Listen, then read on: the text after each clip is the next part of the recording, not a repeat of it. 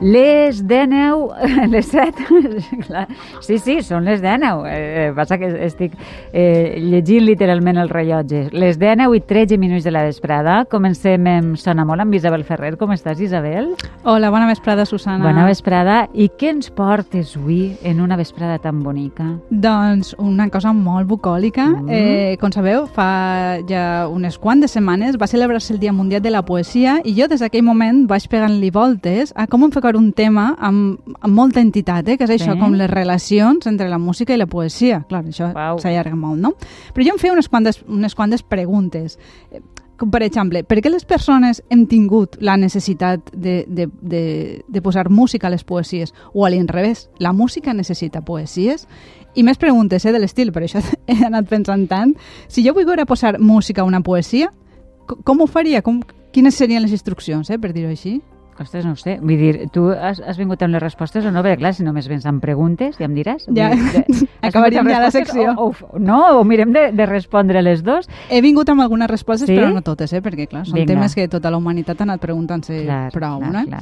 Eh, són preguntes capcioses, però eh, intentarem, eh, com diguem fa unes setmanes, posar llum, lletres i sons a la, a la foscor. A la foscor. Mireu, per respondre a les preguntes que he fet, la tendència que tenim tots és anar-se'n a un passat eh, molt llunyà eh, per a cercar qui va ser la primera persona que tingués aquesta ocurrència de posar música a les poesies.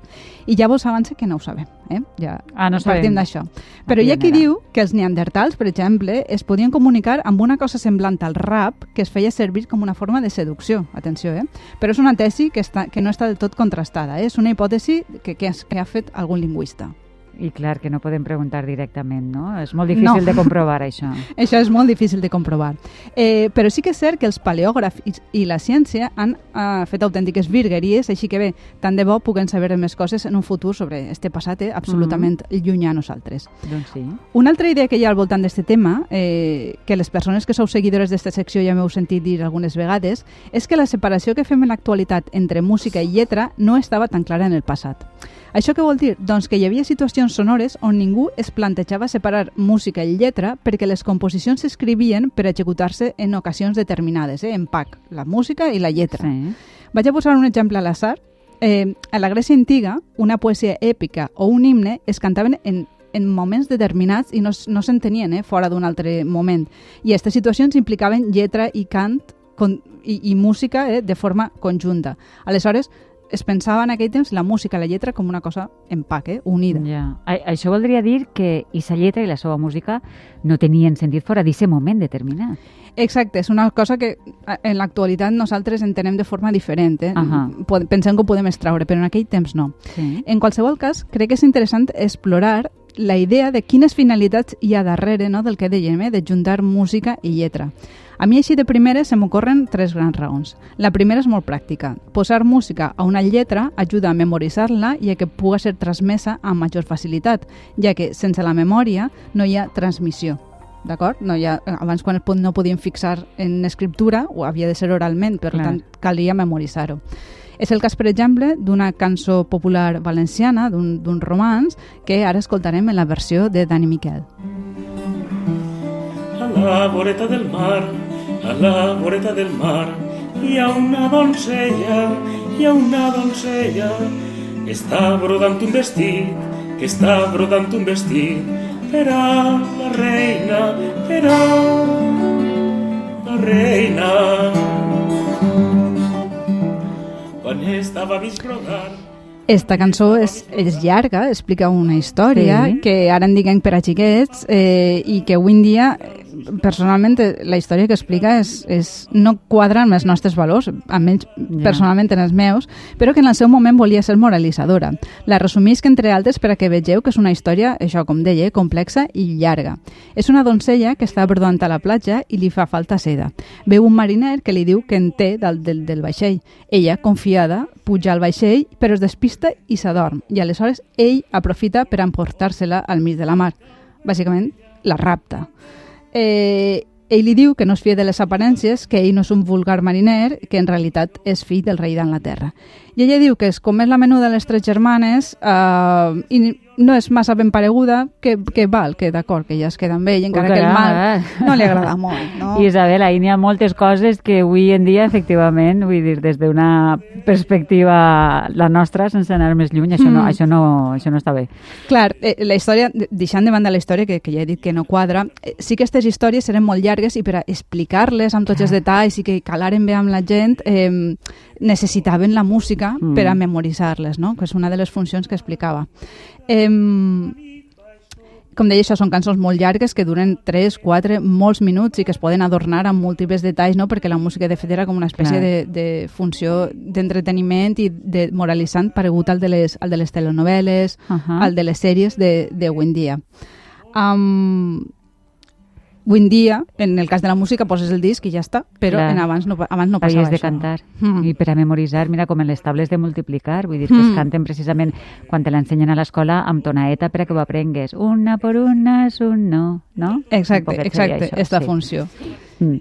Sí, i després n'hi ha una altra funció que, és, que, que acompanya esta memorística, que és eh, la segona funció de qual vos parlava, que és l'expressiva. No? Quan cantem, augmenta el poder de commoure, tant per a ser més dramàtics, per a facilitar l'exaltació, també per a ser més místiques, més místics. Sí. I això col·labora també en que eh, cadascuna de les cançons siga més exitosa, és a dir, com totes aquestes funcions van un poc unides, eh? és molt difícil separar-les, que és el que hem vist en aquest exemple de la cançó de Dani, de Dani Miquel. I en esta cançó que hem escoltat breument i que ara, i que ara parlarem, eh, es, tenen lloc un, una altra de les funcions eh, més importants que enllaça esta relació entre música i lletra, que és fomentar la participació a través de, uh, del cant, no? Com quan, per exemple, cantem un himne. Sí. Sí. Eh, però, clar, no sempre ho podem memoritzar tot, tota Mhm. la lletra de l'himne, perquè els himnes són molt llargs i, excepte en comptades ocasions, no se'ls saben de memòria. I com no podem memoritzar-ho tot, els humans hem anat inventant fórmules per a facilitar aquesta participació que vos comentava.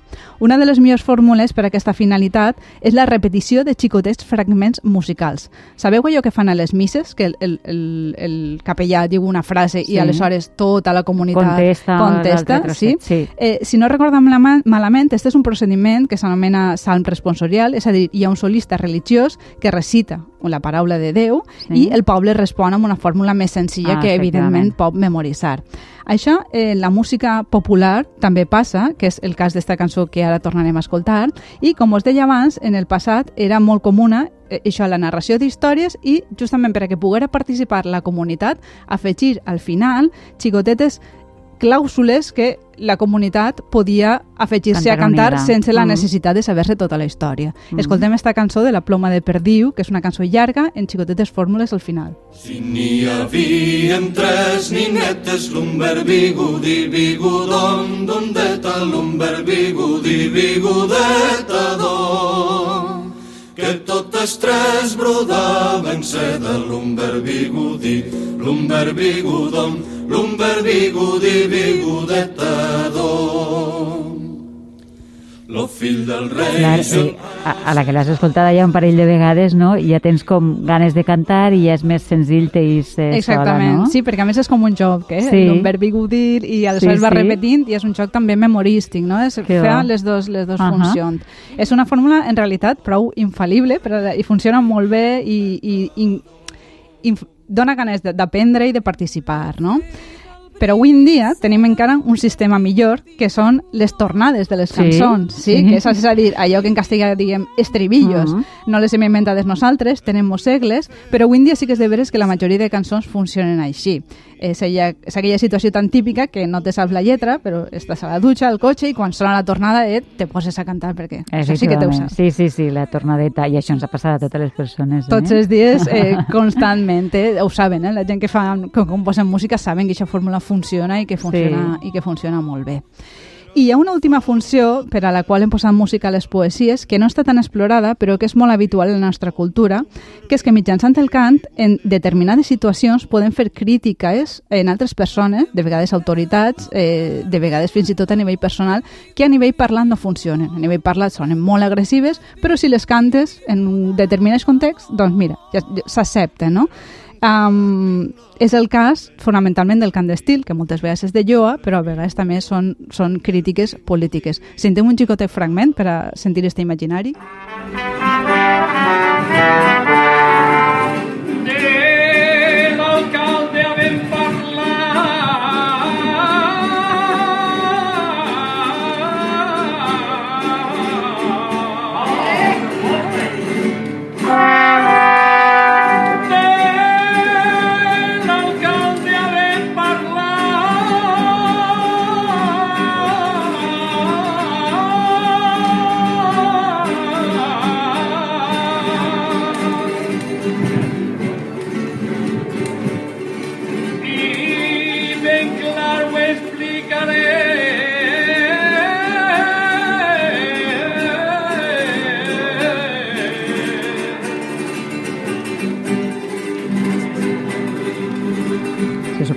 suposa que ara critica l'alcalde perquè, clar, com s'allarga Esta, la esta, crec que, este crec que és de Lloa al final, eh? Crec ah, que no és de sé, Lloa. però... Vinga, va, doncs de Lloa, és igual, estava pensant en Deixarem- una crítica. És que fixa't una cosa, no sé on, quan ni com, però fa pocs dies he llegit precisament, però és que no recordo en quin context i que ho deia. Si alguna cosa, quan fas humor sobretot, eh, et sembla molt heavy, posa-li música i entrarà. Sí, sí, sí, és una de les Sí no? teories, almenys en la cultura mediterrània, que sí. sobretot en aquest tipus de cançó improvisada, que, Sí. que funcionen, no? Mhm. I, I se donen i la gent participa, no? I aplaudixen, estan en contra, eh, es piquen a vegades els Mhm. cantadors... Seria un poc eh, això que s'entén també com, com, com una forma antiga de rap. Sí, no sé si, sí, antiga, sí, venint de, sí, del rap com modern, seria una forma an, antiga. entraria, totalment. entraria un poc. És cançó Sobretot improvisada. fer, fer crítica no? a través de l'art, Sí. vindria per ahí. Sí, sí, exacte. I bueno, ara ja hem vist algunes de les funcions bàsiques amb les quals interactua la lletra i la música i ara anem a veure un poc el com, eh? perquè clar, hem vist les funcions però no hem vist el com. És a dir, si imaginem una persona del passat que té un missatge que vol transmetre Sí. amb música. Com ho faria? Doncs en la nostra cultura la manera més senzilla de posar música a una lletra és associar una síl·laba a una nota i donar-li un cert ritme Ahà. eh, sense que acabe de ser cant. Un dels primers exemples que tenim d'això són les formes primitives de cants eh, a, a l'església molt antiga, del principi. Gloria Patri et Filio et Spiritui Sancto sic ut erat in principio et nunc et semper. Això Això seria sí una que forma podria ser- molt més antiga de Sí, rap, no? no? Sí, sí, sí. Eh, són fórmules que estan a mig camí entre la parla, el recitat i la melodia. És a dir, són sistemes que ajuden a donar un poc més d'expressió i a remarcar el missatge d'allò que vols dir. Però la cosa eh, va, es va anar complicant, va anar més enllà i eh, es va començar a canviar l'entonació d'algunes síl·labes.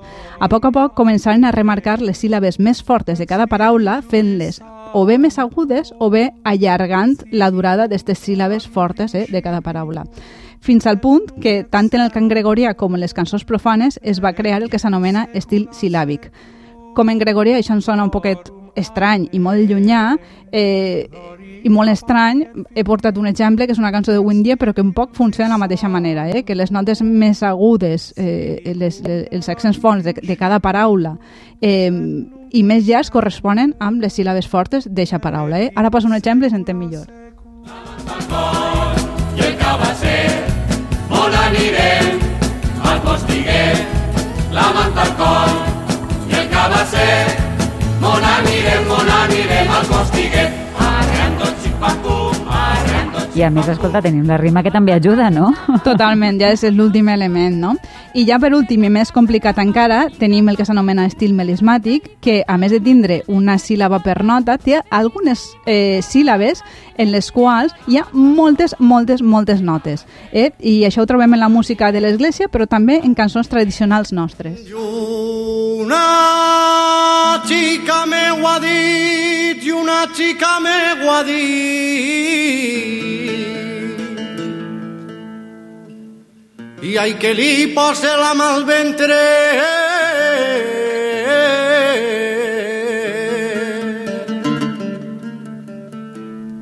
No sé si s'escolta que fa primer un estil silàbic, és a dir, Sí. nota per síl·laba, i després fa unes notes on s'entreté moltíssim, no? Que nosaltres ho identifiquem amb aquest estil o amb el flamenc, no? això Sí. se diu estil melismàtic, Ah. d'acord? Sí, té un nom tècnic, eh? Sí, sí. I per dir-ho d'una forma esquemàtica, el resum seria eh, l'evolució per graus, diguem, de dificultat seria primer este tipus de rap que hem dit, eh, de cantilació, de salmòdia, després l'estil silàbic i després este melismàtic. El més complicat. I ja la complicació màxima de la relació entre música i lletra és quan fem coincidir diferents lletres que no es canten al mateix temps. Tenim exemple? Tenim un exemple. Vinga.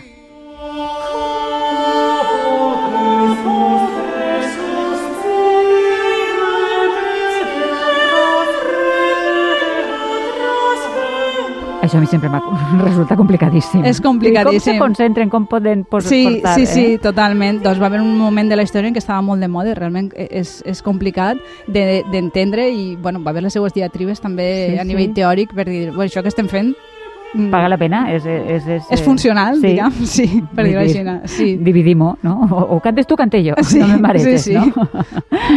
doncs escolta'm, uh, interessantíssim, eh, Isabel, com sempre, eh, relacionar lletra i música, poesia i música. La poesia és música i la música és poesia, vull dir, és que tant és, no? Un tàndem perfecte, si més no. Gràcies, fins la setmana que ve. Gràcies a vosaltres. A tots vostès, eh, doncs així, arreando on anem, arreando. Home, anem amb la calma, amb la calma, però eh, fent via, vull dir, una miqueta de tot. Demà tornem a les 3 i mitja. Gràcies per haver-ho fet possible un dia més, que acabem de passar una bona vesprada i una millor nit. Adéu. la manta al coll i el cabasser. On anirem? Al postiguet. La manta al coll i el cabasser. On anirem, on anirem al postiguet. Arreando ximpam-pum, arreando ximpam-pum. Una volta quan tornava